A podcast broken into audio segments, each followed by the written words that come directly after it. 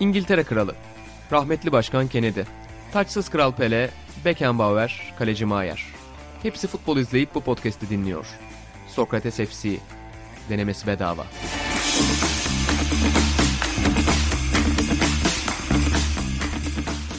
Sokrates FC'den herkese merhabalar. Euro 2020 boyunca bazı özel korsan yayınlar açacağımızın müjdesini İnan Özdemir vermişti 81. bölümde. 82. bölümde Sanayi Mahallesi stüdyolarımızda ben Cem Pekdoğru. Yanımda biraz daha farklı bir ekip var. Sürpriz bir ikili var. Sesine İngiliz haftasından aşina olduğunuz Arhan Atapilavoğlu ve yakında Sokrates'in podcast mecralarında sesini daha sık duyacağınızı müjdeleyebileceğim. Öyle ufak bir müjde de vereyim. Sevgili genel yayın yönetmenimiz Caner de yanımızda ve Euro 2020'de ilk hafta sonunu noktalamışken pazartesi maçlarından önce bu kayda giriyoruz ve genel olarak hafta sonundan ne umduk ne bulduk? Beklentilerimizi turnuva karşılıyor mu? Karşılamıyor mu? Oyun anlamında özel olarak dikkat çekmek istediğimiz takımlar ve oyuncular kimler? Böyle bir sohbete gireceğiz. Biraz uzattım. Moderatörlük çok tecrübem olmadığından hoş geldin diyorum ikinize de. Hoş, hoş bulduk abi. Aynen hoş bulduk. Caner seninle başlayalım. Cuma akşamı Türkiye-İtalya maçıyla Roma'da açılan bir şampiyona hafta sonu geride bıraktık. Senin herhalde nereden baksak bir 7-8 Avrupa şampiyonası görmüşlüğüm vardır. ya yerinde maalesef hiç göremedim ama yani televizyondan ve uzaktan izlemişliğim var hakikaten. Bu 24 takımlı turnuva ikinci kez yapılıyor. Aynen. İlk hafta sonundan. Bu beklenti ve sonu bulduğun şey karşısında endeksi genelde turnuva başlangıçlarında çok istediğin gibi olmuyor. Çünkü belli bir şekilde turnuvadan böyle her maçta iyi performans, yüksek performans bekleyerek başlıyorsun. Bir de açılış maçı Türkiye'nin maçı olunca Beklentiler hiç olmadı. yani beklentiler iki boyutlu olmadı. Bir tanesi tabii çeşitli faktörler konuşulur. Bir kere genel olarak şunu gözlemledim. Hatta Twitter'da biri daha yazmıştı. Çok hoşuma gitti yani aynı şeyi gözlemlediğimi hissettim. Yani bir tarafın genelde daha hakim olduğu diğer takımında daha çok kontrayı planlayarak hani fırsat bulursam geçiş hücumunu planlayarak daha kendi derinde beklediği maçları daha sık gördük. Yani iki takımın da karşılıklı atağı düşündüğü, kazanmayı düşündüğü ya da kazanma şekli diyeyim. Kazanmayı tabii ki takımlar düşünüyorlar da. Bir yandan bunun en büyük sebebi de tabii ki ve işte dün akşamki Hollanda-Ukrayna maçına kadar bunu pek görmedik aslında. Türkiye-İtalya maçıyla başlayıp genel yelpazeye baktığında tabii üç gün çok küçük bir parsel aslında değerlendirmek için açıkçası. Ama yine de bir fikir verme babında baktığımızda Hollanda-Ukrayna maçı dışında da genelde böyle oldu. Avusturya-Kuzey Makedonya maçının da bir bölümü yani dünkü iki maçtan özellikle biraz daha verim aldığımızı söyleyebilirim. O büyük bir sürpriz oldu evet. Aynen özellikle Kuzey Makedonya cephesinde insanlar çok beklemiyorlar. Bir de Avusturya gerçekten beklentilerin nispeten hı hı. son yıllarda olmadığı kadar son büyük turnuvaların çoğunda çünkü kendi evinde bile istediğini bulamayan o jenerasyonu bulamayan bir takımdı. Çok dağıtmadan şöyle toparlamaya çalışayım. Açıkçası üçüncülerin de çıkabildiği bir grup sisteminde, 24 takımın olduğu bir grup sisteminde çok daha güvenlikli, çok daha itidalli Hı-hı. yaklaşmaya çalışıyorlar. Bu da çok anlaşılabilir. Yani teknik direktörler daha köşeli yapılarda girmeye çalışıyorlar. Üstüne üstlük uzun süre antrenman yapma şansı bulamayan, kulüp teknik direktörleri girip sürekli aynı futbolcularla beraber olma şansı bulamayan bir teknik direktör grubu olduğunu düşünürsek belli teknik direktörler hariç. Mesela Roberto Martinez yıllardır aynı takımda, yıllardır neredeyse aynı oyuncular, aynı jenerasyonlar birkaç değişiklik olmasına rağmen devam ettiği için belli taktiksel detayları, sofistike yapıları yerleştirme şansı bulabiliyor. Ama genel olarak baktığında yani Şenol Güneş mesela kendi milli takımımızdan örnek verirsek tabii ki oyuncuları çok iyi tanıyor ama oyuncular sürekli beraber oynamaya alışkın oyuncular değil. Bizim genelde daha önceki turnuvalara baktığında belli kökten uzun zamandır beraber oynayan oyuncular var. Burada şu var. E, mesela bizim milli takım açısından değerlendirdiğinde altyapılardan beri beraber oynayan bir jenerasyon hı hı. var. Belli bir jenerasyon. 23-24 ile 27 yaş arası. Ama bunları aynı taktiksel yapıda uzun süredir aynı teknik adam çalıştırmıyor. Hatta oynamalarına biz Arhan'la da hani dergide yaptığımız bütün hani Şenol Güneş yaptığımız röportajda da Michel Lucescu'dan bahsettik. Hatta hı hı. hoca da konuştu yani. Onun döneminde çünkü oynatılmaya başlanan bir jenerasyon. Şimdi Türkiye'yi çok geniş değerlendirmeyeceğim. Şunu söylemeye çalışıyorum bu örneklerle. O yüzden de grup maçlarında dur bir ben kendimi bir son 16'ya atayım da ondan Hı. sonra rakibe karşı özel taktiğimi belki daha ucum oynayacağım belki işte savunmamı değiştireceğim yapımı değiştireceğim o zaman geçiyorlar.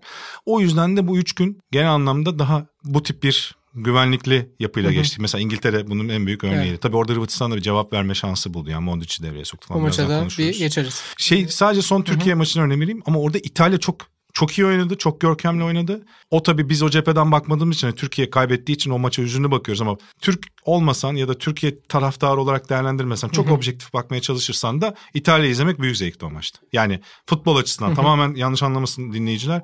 Tabii ki ben bundan zevk almadım ama bir İtalyan değil de bir Fransız olsam ya İtalyanlar ne acayip oynadı derdim ki herkes de dedi biz de dedik yani hani sonuçta değerlendirmeler. Onu Az da söyleyeyim önce- ekleyeyim yani ihmal etmeyelim. Lucescu'dan bir bahsettim. Bu arada benim de hafta sonu timeline'ıma düştü. Sokrates ekibinde de uzun süre bize katkılar vermiş. Kutay Ersöz'ün bir tweetiyle farkına vardım. Dediğin gibi şu an turnuva kadrosundaki 26 oyuncu arasında aslında 7 oyuncu var. Lucescu'nun ilk kez milli takıma çağırıp oynattığı ki yani 8 maç sadece 8 resmi maç görevde kaldığını düşünürsek Lucescu'nun aslında Şenol Güneş de zaten böyle geçmişe kredi vermeyi de sever. Hani eğer bu turnuva iyi bir yolculukla noktalanacaksa bence bir Lucescu'ya da bir teşekkür görebiliriz. Türkiye'de her ne kadar o dönemde çok dayak yese de tırnak içinde.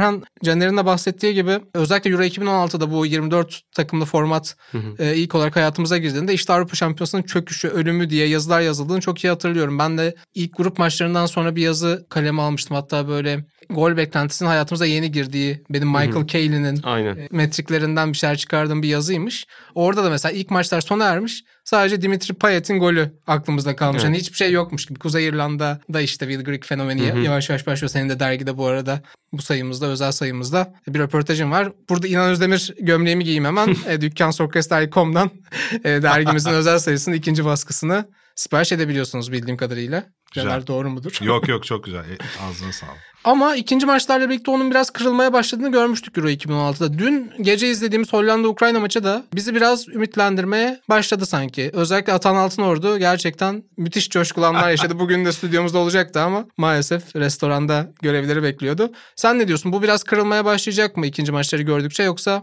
Caner abinin bıraktığı yerden başlayayım. Çünkü bahsettiği gibi İngiltere bu konuda iyi bir örnek bence. Turnuvanın geneline bakacak olursak da Türkiye ile başlaması ve mağlup olmamız gerçekten kötü bir etki yaratıyor. Sonrasında Christian Eriksen'in ne yazık ki yaşadığı o dramatik durum hepimizin aklında. Yani beraber izlemiştik o anı ofiste. Herkes tamamen kopmuştu. Öyle olunca turnuvaya tekrardan dönmek de zor oluyor. Ve tabii ki bence de o 24 takım 4 tane en iyi üçüncünün de son 16'ya kalabilmesi vesaire insanlarda biraz muhafazakarlaştırma başlatıyor. Bu zaten hatta futbolda genel olarak konuşulan bir konu. Özellikle milli takım seviyesinde Dünya Kupası'nda Avrupa Şampiyonası'nda bu kadar fazla muhafazakar olmak zorunda mı takımlar? Örneğin Fransa akla gelen ilk takım oluyor burada. Bu kadar yetenekli oyuncu grubuna rağmen böyle bir oyun oynamak zorunda mı diye. Bunun bir örneğini İngiltere'de de bence gördük. Yani şöyle söyleyeyim. Çekya ve İskoçya maçlarında çok farklı yapılar kullanabileceği söyleniyor Southgate'in. Dört bek oynatabileceği zaten inanılmaz bir bek bolluğu var ortada. Ama mesela Hırvatistan maçına bakıyoruz. Hırvatistan maçında böyle bir şey yok ortada. Ee, tek sürpriz Trippier'in sol bekte oynaması. Geri kalan yapıya baktığınızda aşağı yukarı tahmin edilebilecek bir düzey. Standart e, 4-3-3 oynayan bir takım var. ve Biraz sadece Rice'a belki biraz daha fazla savunma görevleri Tam- verdi. Yani Phillips'i biraz daha Aynen öyle. O da hatta aslında Eric Dyer'ın mesela 2016'da oynadığına benzer bir şekilde o kadar o üçlediğini gördük. Kesin. Bu biraz İskoçya ve Çekya maçında Çekya sanki biraz da esneyecek gibi. Evet. gibi düşünüyorum. Ben Hırvatistan maçında bu çok önemli bir maç. Benim bunu kazanmam lazım. Kazanayım 3 puan cebime koyayım. Ondan sonra farklı bir şeyler denemek istiyorsam ya da turnuva boyunca bir şeylere gideceksem onu gösteririm kafasıyla bence hareket etmiş. Çünkü Lider olma maçı çünkü bir nevi. Yani bir nevi öyle. Yani takımlara bakarak düşünürse. evet ya lider olduğunda bu arada önü açık çok değil. kötü bir öne denk geliyor ama Ya belki puanı Hırvatistan'a değil de başka bir takıma vermeyi planlamış olabilir. ya ikinci çıkamaz muhtemelen. Lider çıkacak bu gruptan Aynen. 3 puanı aldıktan sonra da. bir de takım seçme karması kötü. Yani bunu birçok yerde biliyoruz. Yani rakibini Evet. seçme E, Kendileri de yaşadı zaten. karması. Özür dilerim Aran bu arada Yok sözünü kestim. estağfurullah abi. Kesinlikle öyle bence de. Benim de geleceğim nokta Rice'dı aslında. Çünkü Liverpool'da çok fazla gördük bunu e, bu sezon. Stoper hattı çok çalkantılı olduğu için Jordan Henderson'ın üçlediği ya da orta sahada orada kim oynuyorsa sanki bir sol stopermiş gibi geldi. Declan Rice de bayağı sol stoper gibi geldi. Ama orada işte muhafazakarlık noktasını şöyle açmak istiyorum. Eğer Declan Rice soldan sol stoper gibi geliyorsa Beck'in kesinlikle gitmesi lazım. Ve genişliği iyice sağlaması lazım Kyle Walker'ın. Veya işte solda Trippier'in. Evet Trippier biraz yaptı ama Walker sanki City'de o üçüncü stoper gibi kalmaya devam Evet. etti. Çok fazla açılmadı. Çok fazla gitmedi. Bu da bence İngiltere'nin beklenen o hücum genişliği, hücum hacmini göremememize biraz neden oldu. Trippier'de ben de biraz Fransız gibi onu hep telaffuz ediyorum. Kusura bakmayın. Trippier de tabii ters ayaklı olduğu için o da o genişliği takımın şekli açısından yapabiliyor ama aslında yani savunmacıyı düşünürsek onu karşılayan oyuncuya baktığında aslında onu yani içeri çok içe kat ederek oynadı. Evet. Ee, öyle olunca yani ne olursa olsun dediğim gibi Walker da o sağdan Genişlik yapamayınca, genişlik katamayınca biraz aslında gole kadar tekrar düğümlenme olmuştu gibi. Peki şey konusunda Trippier konusunda ne düşünüyorsunuz? Yani bunu yine duran toplar için mi? Çünkü dünün en herhalde popüler tartışma konusuydu. Hı hı. Bu böyle devam edecek mi? Yoksa Luke Shaw, Ben Chilwell tercihleri gelebilir mi sence? Bence Luke Shaw ya zaten bir haberde gördüm. Nerede? Guardian'da mı gördüm tam hatırlamıyorum ama zaten stoper olarak kullanmayı düşünüyormuş galiba. Üçüncü Hmm. stoper, sol stoper. Sol kanat beki olarak da Trippier'i, sağ kanat beki olarak da Reece James'i kullanmayı düşünüyormuş. Sağ stoperde Kyle Walker. Yani biraz o bahsettiğim dört bekli yapı sanırım Çekya ya da İskoçya maçında işte kendini gösterecek. Öyle bir durumda ne olur? Pek emin değilim. Ya sol bekin sağ bek, ya sağ ayaklı oynadığı da bu sene zaten gördük Joao Cancelo ile birlikte. Hı hı. Tamamen böyle bir şey gördük. Ben şöyle düşünüyorum. Bu kullanım Trippier'ın sol bekte sağ ayaklı bir şekilde kullanımı Gareth Southgate'in en iyi yaptığı şeylerden birisi Premier Lig'deki bütün trendleri mükemmel bir şekilde takip etmek. Yani hangi takım ne yapıyor, hangi takım hangi oyuncu nerede daha iyi oynayabiliyor. Bunu 2018 Dünya Kupası'nda da gösterdi. Hatta orada kendisi bir icat çıkardı belki Pep Guardiola'nın çok fazla kullanmadığı şekilde Walker'ı sağ stoper oynattı. Onun haricinde de hangi oyuncu nasıl en iyi oynayabiliyorsa ona uygun bir yapı çıkartabiliyor. O yüzden Trippier'ı sol kanat beki olarak kullanabilir. İçeride konumlandırmasıyla birlikte belki orada ön öndeki 3-4-3 ya da 3-5-2 oynuyorsa oradaki forvet hücum oyuncusu gençliği sağlayabilir. Walker da Bilmiyorum. tamamen sağ stopere dönmüş olacak bu durumda ama. Öyle gözüküyor eğer haber doğruysa. Bilmiyorum ama dediğim gibi bu muhafazakarlaşma noktası bence özellikle İngiltere özelinde konuşmak gerekirse 2 ve 3. maçta farklı noktalara Tabii gider. şeyin de etkisi var. Yani Maguire'ın ne zaman döneceği. Çünkü Hı hı. yani en iyi iki stoperiyle de oynayamadı yani. O Doğru. Maguire Stones ikilisini bozmak zorunda kaldı. Minks de ne kadar hani yeteneği çok tartışmaya açık bir oyuncu değil. İngiltere'nin geleceğinde önemli bir yeri olacak ama ilk kez majör turnuva geçiriyor. Caner sen peki biraz dün Phil Foden'ın saçlarının da yardımı oldu. Çok fazla 96 referansı. Final tabii ki Wembley'de oynanacak. Futbol yeniden eve dönüyor mu sorusu tabii ki son bir ayın önemli sorusu. Sana o konuda iyi ışıklar verdim İngiltere. Twitter'da şey oluyor zaten. Birisi bir şey oluyor.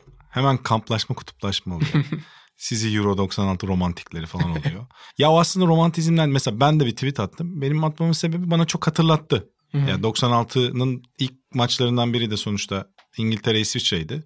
Ve bu maçta neredeyse 1-1 bitiyordu yani. O maçta 1-1 bitmişti. Hani Hırvatistan ikinci yarı buluyordu golü. Belki bir Mandzukic tarzı bir iyi santroforu Evet. olsa çünkü zaten oyunda dengeyi bulup şans bulmuştu Hırvatistan. Bir yandan işte o gölgeli şey. Bu arada Wembley stadyumunun şeyi de çok eleştirildi. Herkes böyle bir stadyum mimarı gibi bir şey oldu. Bu arada İngilizlerin klasik stadyumlarında da şey olur. Ben öyle bir şey gördüm de İngilizlerin klasik stadyumlarında Hep da olur. gündüz gölgesi her zaman olur. Yani o biraz şey gibi geldi bana. Yani bulduk bir yerden her şeyi eleştirelim muhabbeti oluyor. Yani herkes eleştirebilir, herkes söyleyebilir de. Yani gündüz gölge her statta olur. İstediğin mimari yapıyor. Güneşin nereden geldiği önemli ya açının. O açıdan böyle tuhaf bir şey oldu böyle. Bu Euro 2020'nin de o şeyini hissediyorum. Bence herkeste bir yorgunluk var. o yorgunluk negatif enerjiye dönüşüyor. Futbol ara vermedi çünkü. Ya futbol's coming home da futbol bir yere gitmedi zaten yani hani ara veremedik ki. Demin ki mesela o maçların bu şekilde geçmesinin bir faktörü de o. yani senin e, söylediğine gelirsek de ya evet o hava oldu Phil Foden'ın saçları işte gölge. E, bir yandan itidalli başlaması ama Terry Venables'ın mesela o takımı da hep şey bilinir. Biliyorsunuz ama müthiş bir jenerasyon zaten. Shearer, Sheringham, Paul Ince. Acayip bir jenerasyon yani o da. Gareth Southgate de onun bir parçası bu arada. Kalede David Seaman. Öyle baktığında da burada da yeni bir jenerasyon. Biraz daha hani hücum gücü daha çok konuşulan savunma gücündense konuşulan bir takım. O yüzden de böyle paralellikler kafamda nostaljik olarak kurdum ve hani zaten İngilizlerin kendisi de çok fazla bir de 25. yılı. Yani 25. yıl olması itibariyle de bir şey var.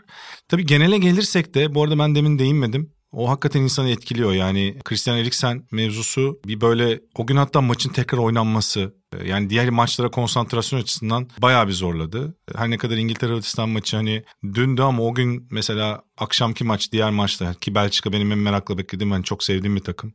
Bazı insanlar antipatik geliyor ama ben hani başarılı olmasını istediğim bir takım açıkçası. Kimse o maça odaklanamadı evet. E, odaklanamadık açıkçası. Halbuki çok da enteresan da bir maçtı yani. Beklediğimiz futbol olmadı da işin taktiksel mevzuları açısından işte Çerkasov'un eleştirildiği kısımlar oldu. Lukaku'nun olağanüstü bir performansı vardı. Derken yani özellikle Eriksen'in olayı ve bir de bugün şimdi haberler de çıktı.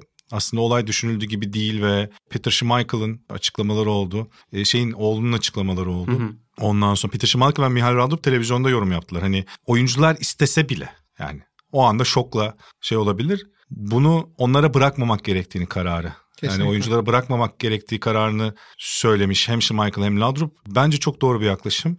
İkincisi de zaten şöyle bir konu var. UEFA ya bugün hani devamında oynarsınız ya da ertesi gün 12'de ya da öğlen oynarsınız gibi bir teklif sunmuş. Aslında iki seçim arasında bırakılmış açıkçası Danimarkalı ve Finlandiyalı oyuncular. Çok kısa Ara bir ekleme yapayım. Lütfen. Peter Schmeichel'ın açıklamasına göre 2 değil 3 ihtimal var. Üçüncü ihtimalde hmm. direkt maçın Finlandiya tarafına tescil 3-0 değil mi? Tamam doğru. Edilmesi. doğru. Ya sen iki tercih sunuyorsan çünkü onu kabul etmezsen hükmen mağlup oluyorsun. Evet. Üçüncü yani aslında biraz zorla oynaman o, gerekiyor o gibi. Gün, o gün mesela ne oldu? Herkes aa Danimarkalı oyuncular nasıl oynamak ister ya diye düşündük. Çünkü biz böyle bir şok yaşarken uzaktan televizyon yani başında. Yani o servis edilen FaceTime'dan arkadaşlarına mesaj da bana çok yani Sinan Çetin dizisi ya gibi. Evet. Yani böyle olsa bile bu bu her şey... Hayır Cem şöyle bir durum da var yani o oyuncular sonuçta orada çok ciddi bir travma yaşıyorlar. Travmayı yaşayan insan anlaması kolay değil. Sen onun için bir önlem alman lazım. Yani bu böyledir benim bildiğim psikolojide ben de hani psikologlarla belli iletişimlerim oldu hayatımda. Genelde öyledir. Çünkü ben de hayatımda travmalar yaşadım ve o yüzden sana insanların destek olması gerekir. Zaten kampta da şimdi o konuda psikoloji desteği alıyorlarmış oyuncular. Almaları şart yani. yani Hele Gayer, hı. işte Schmeichel çok yakın arkadaşları bir de hepsi çok birbirini seven oyuncular ve şeyler. Çok özür dilerim. da operasyon ha. anındalardı zaten yani. yani. E, bence bir saat iki saat sonra maç oynamak biz Twitter'da herkes aa nasıl kabul ederler dedi. Meğerse aslında tam olarak kendileri kabul etmemişler. Bir de ben çok kısa şöyle bir şey eklemek istiyorum. O anda da onu düşünmüştüm. Travma boyutunu tamamen geçelim. Hı hı. Çok büyük bir travma. Sağda koşuyorsunuz. Arkadaşınız 29 yaşında çok sağlıklı bir birey olduğunu düşündüğünüz kişi bir anda yığılıyor. Aynen. Ya koşarken siz kendiniz zorlandığınızda o psikolojide de oynayamazsınız. Ya bana da bir şey olacak mı ya acaba şey diye. düşündüm. E, hakem Doğru. atışıyla başladı da sanki bir an taçla mı başlayacaktı? Ben taçı tekrar atamam yani mesela evet. öyle bir şey olsa. Bu arada ben yani genel olarak buna dünya sporunun bu konuya bakışının yani bu tabii çok büyük bir yani işte herkesin hayatında 2-3 kez tanık olduğu bir şeydir belki de spor sahasında böyle bir durumla karşılaşmak. Yani seyirciler olarak bizim bir ömre 3-4 tane sığar böyle bir şok etkisi ama benim genel olarak akıl sağlığıyla ilgili bir farkındalık Amerikan sporuyla beraber başladı belki. Doğru, Oradan doğru. yayılıyor ama bu sanki şey gibi düşünmek lazım bence. O gün neredeyse mental olarak iş göremez bu 46 oyuncu ve işte ne yapılıyorsa sahada ya çıkacak oyuncu yokken ne yapılıyorsa onun yapılması gerektiğini düşünüyordum. Hatta yani ben... Hani fiziksel hani şey yazar ya problem. Evet. Şimdi nedir o gün oynamıyor, niye oynamıyor? E, mental problem yani sonuçta. Yani aslında Aha. evet öyle olmalı diye düşünüyorum. Ki yani ilk haber geldiğinde de ben ya Belçika Rusya maçından bahsediliyor diye düşündüm. Saat yani 21.45'te oynayacak falan yani orada iyice kafam şey, hani düşünemiyor. Tahayyül edemiyorsun oynanabileceğini değil mi? Onu Aynen. hiç düşünemedim. Yani hatta Furkan'la sevgili Furkan'la konuştuğumuzda o da Başakşehir maçını, Başakşehir Paris Saint Germain maçını gündeme getirdi. Yani artık UEFA'ya güvenimiz zaten Hani Doğru. o noktaya geldi diye ama bu çok farklı bir şey gibi geliyor yani. Bu arada mesela şu an bakıyorum belki atlamışımdır da yedeklere bakmadım. İlk 11'den 3 tane oyuncu Eriksen'le takım arkadaşı Belçika'dan. Tabii. E, diğer yani, takımlarda Danimarka'yı tamamen geçtim. E, o gün e, gol atan Lukaku. Evet. Yani e, o da var. Ya şöyle bir durum var. O son ekleyeyim. Ben o konuyu toparlayayım. Yani kendimce toparlamaya çalışayım naçizane. Biraz tabii ki bu çok şey gelebilir. Gerçekçi gelmeyebilir. Ama biraz gidişatla alakalı genel işte bu Süper Lig muhabbetini düşün. Futbol yöneten enstitüler, kurumlar ve yani tabii ki fiziksel olarak futbolcular belli bir meslek icra ediyorlar ve belli bir tempoya alışıklar. Ama pandemi etkisi unutulmamalı. Ben Hı-hı. Covid olmaktan veya aşıdan bahsetmiyorum. Yani son iki senedir insanların insan olduklarını unutmamak gerekiyor futbolcuların. Bir yandan psikoloji yaşıyorlar, bir yandan çok fazla izole kaldılar. Bir yandan hiç neredeyse nefes almadılar, ara vermediler. Bir de bunlar üst düzey futbolcular yani özellikle Danimarka'da oynayan futbolcuların çoğu önemli takımlarda oynuyorlar ve tempoları çok yüksek yerlerde oynadılar. Eriksen'e bunun tabii ben şimdi atmayayım yani sonuçta bir doktor değilim ama bunun etkisi konuşulmalı. Belki zaten genetik bir problem. Ama açıkçası sonuçta kalpte belli zorlamalarla oluyor ve sporcu demek yani işte ya ben açıkçası mesela söyleyeyim benim çok yakın bir arkadaşım vardı. Türkiye'nin en iyi stopçularından biriydi. Olağanüstü bir sağlıklı yaşam, sıfır işte kötü alışkanlık. 17 yaşında kalp krizinden öldü. Yani bunun ve ailesinde yok kalp yani. Bir hastalığı yok. Yani şey gibi konduruyoruz ya işte bu adamlar müthiş sporcular işte atletler sürekli antrenman yapıyorlar, iyi besleniyorlar falan bilmem ne. E tamam da yani insan kalp ve beyin dediğimiz organları bu şekilde açıklayamıyorsun reaksiyonlarına. Ya sporcu kaybı Yani- dediğimiz şey tıbbi bir anomali zaten. Aynen Yani öyle. Aynen normal öyle. bir şey değil o. Ya o yüzden ben şimdi tabii doktor gibi yorum yapmayayım ama yıllardır spor izlerken gördüğümüz, yaşadığımız olaylar var. İşte kalp krizinden hayatını kaybedenler var. Son anda kurtarılanlar var. Muamba gibi hatta. Muamba'nın 78 dakika değil mi? Kalbi duruyor ondan sonra hastanede kendine getiriliyor ve yani bu, dün bugün röportajı vardı. Tam bakamadım sadece başlığını gördüm. Şey diyor. Ya ben dönmek istedim diyor. Ya futbolcularda o olabilir ama izin vermemişler ki çok doğru yani izin vermemeleri. Demek ki bir problem var. Demek istediğim şu biraz insan olduklarını unutuyoruz. Ve hep böyle şey üzerinden gidiyoruz. Twitter'da da sosyal medyada da bu çok kötü bir yansımaya neden oldu. O etkileşim psikopatlığı diyeyim ben artık ona. Hani madem psikolojiden bahsediyoruz. Gerçekten bir sosyopatlığa dönüşmeye başladı. Ve işte onun fotoğrafıydı, görüntüsüydü. Mesela televizyonlar bile BBC bile özür dilemek zorunda kaldı. Etik kod anlamında, yayıncılık kodu anlamında en önemli kurumlardan biri. Alırsın kılavuzunu çevir kullan. Yani BBC'nin. Ama onlar bile o görüntüleri kesmemişler. Çok tuhaf bence. Yani bence bir garip bir şiraze kayma durumu var. Garip bir histeri durumu var bütün şeyde. Ve Eriksen olayı şeyi hatırlatıyor. Yani hayatta insan sağlığından daha önemli bir şey var mı? O maçın oynanması gerekiyor mu? İptal et, ver birer puan. Kim itiraz edecek mesela? Berabere çünkü o anda. Hayır, maç o anda kaldığında berabere. O anda tescil et mesela. Oynanması gerekiyor mu mesela 55 dakikanın? Yani bu kadar mı önemli yani UEFA için oradaki herkes için? Onu onu söylemek istiyorum. Yani biraz önceliklerimizi gerçekçilikten uzaklaşmış durumdayız. Böyle bu pandemi döneminde de oldu ya son bir şey söyleyeceğim. Pandemi döneminde de oldu. Aa eski hayatımıza ne zaman döneceğiz? İşte olmaz böyle hemen futbol tekrar başlamalı. Türkiye'de özellikle çok oldu. Hayır, hayatını değiştirmek zorunda kalmaya alışmalı insan ve önceliklerini yeniden belirlemeli. Yani bu olduğu zaman dur hemen bunu çözelim tekrar eski yaşamımıza dönelim. Hayır belki de eski yaşamı değiştirmen gerekiyor zaten. Yani dünyanın genel olarak sadece kendi bireysel günlük yaşamımızdan bahsetmiyorum. Bu, bu futbol meselesi bunun çok büyük bir yansıması. Çok büyük bir özel hatta mikro değil makro modeli. Dün Eriksen'de yaşadığımızda daha doğrusu hafta sonunda oydu. O yüzden çok rahatsız edici çıkarımlar yapabileceğimiz bir dönem. Ha güzellik var. Danimarka takımının Kıyar başta olmak üzere olağanüstü tavrı muhteşemlerdi yani. İnsan böyle gözleri doluyor hala o fotoğrafı falan düşününce o çevresinde ördükleri duvar.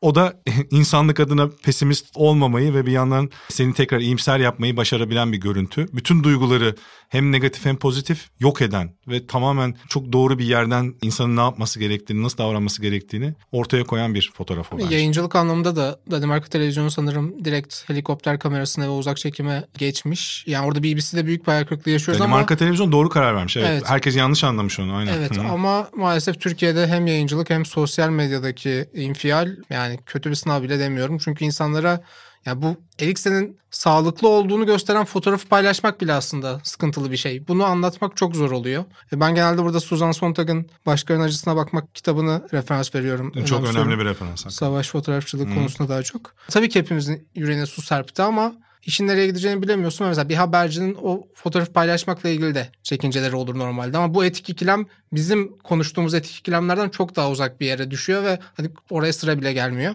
Ya son bir şey söyleyeceğim. Bugün şöyle bir şey gördüm bir cümle. Kimin yazdığını görmedim. Yani tartışılıyordu Twitter'da. Ya trajik olaylar oluyor. Devam edilmesi normal. E, onun içinde sen yoksun. Yani o trajediyi sen yaşamadın. Bunu böyle bu kadar rahat söylemek bana bayağı bir insanlıktan uzak kalmak ve fazla katılaşmak gibi geliyor açıkçası. Bilmiyorum.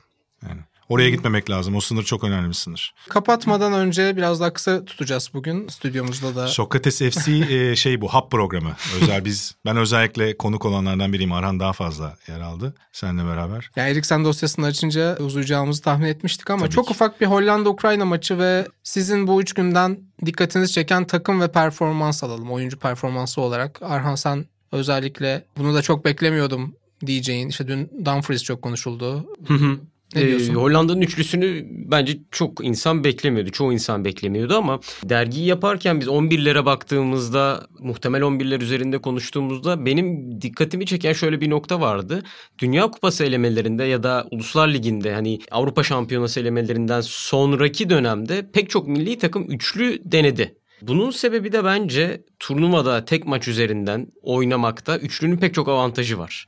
Ne gibi işte o kanat beklerini kullandığınızda farklı bir hücum opsiyonu ekleyebiliyorsunuz ve dörtlü savunmalar onu çok kolay bir şekilde o 90 dakikada savunamayabiliyorlar. Bunun belki de en iyi örneği Belçika-Rusya karşılaşması. Mönye girdikten sonra oyuna biraz daha hücumcu bek. Her ne kadar kötü bir Dortmund sezonu geçirmiş olsa dahi Kastanya sakatlanmasa belki o kanalı bulamayacaklar. Çünkü Kastanya Evet. o kadar ucumcu bek değil. belki Aynen. olmayacak. Bu arada kötü turnuvayı- sakatlandı da. Bu Yani arada turnuvayı kapattı Kastanya Evet. yani bu Mönye ve Belçika için bir iyi bir şeye bile dönüşebilir. Özellikle Aran. için. Sen 11'ler dedin. Biz mesela ben yani Belçika sayfasını yapmıştım. Ben Meunier'i 11'e koydum. Ben açıkçası tabii savunma önlemli çıktı. Mesela bu bile Belçika'nın Martinez bile daha o tarafta savunma önlemli çıktı mesela. Hani E, Kastanya'ya. zira yine Rusya hani ikinci düşündüğü takım Belçika'nın. Muhtemelen bu maçta ben 3 puan alayım.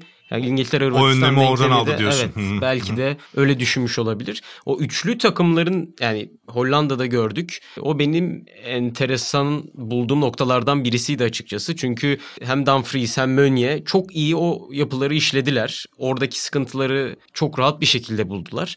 Yine enteresan bulduğum noktalardan birisi Galler mesela. Ee, yine üçlü bekliyorduk. Pek üçlü oynamıyorlar. Bir 4-3-3 gibi bir nevi. Gareth Bale'ın sağda, Daniel James'in solda olduğu, ileride Kiefer Moore'un oynadığı. Orada yani 2016'da müthiş bir üçlü performansı. Sonrasında Ryan Giggs'in gelip dörtlüye döndürmesi ve ardından Ryan Giggs ile yollar ayrıldıktan sonra Rabbe Jean gelip tekrardan üçlüye dönmesinden sonra bir daha dörtlü hani biraz garip geldi bana. Yine ben bir üçlü bekliyordum açıkçası ve hatta Türkiye'nin de bu zaten konuşuldu pek çok kez Azerbaycan maçında e, üçlü oynaması. İsviçre üçlü oynuyor. E, Galler de üçlü oynuyor. Muhtemelen oynayacak daha doğrusu. Biz orada bu rakipleri nasıl iyi karşılayabiliriz? Çünkü dediğim gibi dörtlü ile karşıladığınızda sıkıntı yaşıyorsunuz ama üçlü ile karşıladığınızda o beşli hücum hattına bir beşliyi çekiyorsunuz. Adam adama oluyor. O yüzden Türkiye'nin böyle oynayacağı düşünüyordu. Galler de o açıdan beni açıkçası şaşırttı. Yani Galler maçında iki üçlünün mücadelesini görebiliriz diye düşünüyorduk ama bu Ama öyle olmadı. sonra evet. Evet bakalım Türkiye maçı da o açıdan gerçekten ilginç olacak. Şu ana kadar herhalde ama herkes Hollanda-Ukrayna maçının özellikle işte Eriksen olayından sonra bir rahatlama herkese ya evet sonunda turnuvaya girdik havasını sanki o maçta hissettik. Güzel futbol konuşabildik. Biraz da orada dün şey de konuşuldu. Katılır mısınız bilmiyorum. İlk defa böyle biraz daha evet taktik uygulayan ama oyuncularını biraz daha nasıl desem fazla köşeleri sıkıştırmayan, Evet. rahat bırakan iki takım oynadı tarzında ve oradan biraz o rahatlıkla oyun aktı. Bakımından bir analiz Hatta yoğunu var. Avusturya Makedonya maçında yaşadığımız sürpriz de biraz ona bağlayabiliriz. Orada özgür Evet. bırakılmış bir Aynen. Makedonya vardı özellikle. Kesinlikle. Özgür bırakılma hatta Avusturya'nın da özgür Evet. olmasının Ha, sebebi gol Alaba ya. turnuvada gördüğümüz en özgür oyuncuydu. Yani Evet. istediği yerde topla buluştu. O da mesela şaşırtıcı stoper başlaması. Senin o sağ bek şeyine ekler miyiz bence wingback'e? Line Liner. Evet aynen öyle. Ya O, da çünkü Sabitzer nefis gol. Yani o Mükemmel da sağ gol. bek yani aynı şekilde çıktı. O şuradan. zaten bence Almanya'da da buna benzer bir şey görebiliriz. Gosens'le. Atalanta'nın kariyer özet, sezon özetlerinden birisi zaten. Kanat beklerinin Aynen. ortası. Atalanta'dan ne kadar oyuncu çıktı şu an turnuvaya dokunan Malinowski dün çok iyi oynadı. Mu- Martin Deron da çok iyiydi bu arada dün. Yani hep Atalanta topçuları hakikaten iz bıraktı. Şey burada yok ama Gasperi'nin izini görüyoruz. Yani her yerde üçlü savunmanın da şeyin de etkisiyle beraber. Özellikle o işte kanattan top çevirme etkili olabilir turnuvanın geri kalanında da. Caner senden o zaman kapanış için istersen özel performanslar, istersen Galler Türkiye maçına ufak bir ön bakış sana bırakıyorum. Ya ben açıkçası ne tercih edeceğini merak ediyorum Şenol Güneş'in. Hangi oyuncuları değiştirecek? Orta sahada herhalde biraz daha pas yapabilen, pas yapamadık çünkü yani. Şut çekememenin sebebi pas yapamamak yani ucumu taşıyamadın. E, Herhalde bilmiyorum işte şey konuşuluyor. Değil mi Aran? Sen daha şimdi ben iki gündür çünkü o kadar detay okuyamadım ama yani İrfan Can tercihi konuşuluyor pas yapabilmek açısından. Biraz daha orada hani geride iki hani sefansif özellikten çok ucuma da gidebilen orayı açabilecek hani bizim tabii öyle Modric'imsi bir Maalesef hani onu bulmak herkes de yok zaten yani. Onu devreye soktuğunda sana bütün kanalları açan ya da neydi Yorkshire Pirlo'su e, Calvin Phillips'imiz de şu an en azından o form düzeyinde bir oyuncumuz yok gibi. Bir de yaratıcı yani hücumda adam eksilten klasik tabirdir bu.